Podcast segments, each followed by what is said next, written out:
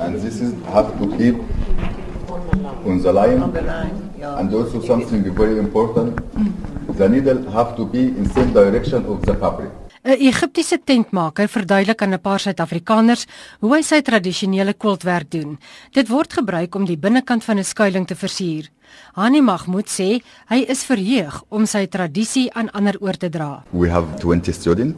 We teach them how to make khiyamiya, which is Egyptian patchwork, which is our traditional from long, long time ago.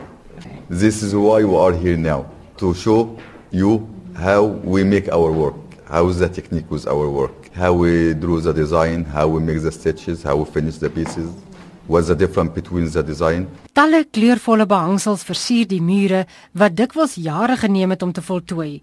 Vir quilters is dit nie net 'n kuns nie, maar 'n passie. 'n Kleurvolle beeld van 'n alwyn, gemaak van die tradisionele shweshwe materiaal, is die middelpunt van die uitstalling en het 3 maande geneem om te voltooi. Indrukwekkende hand- en masjiengemaakte quiltwerk word uitgestal. Die simmetrie en kleursamestellings is 'n lus vir die oog. Die patrone wissel van tradisionele tot kunskwilts wat deur topquilters en tekstielkunstenaars in die land gemaak is. Woordvoerder Brenda Dikkius sê die fees is 'n hoogtepunt vir enige iemand wat hou van handwerk en hier sal 'n mens die beste inspirasie vind. It's a national festival where quilters from all over South Africa send their quilts into the exhibition.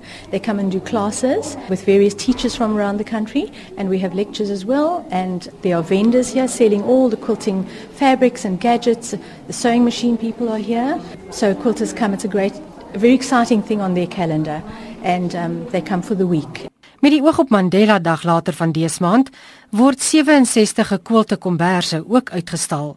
Die Kultfees word tot Vrydag by Collegiate Girls High aangebied. Veronica Fourie in Port Elizabeth.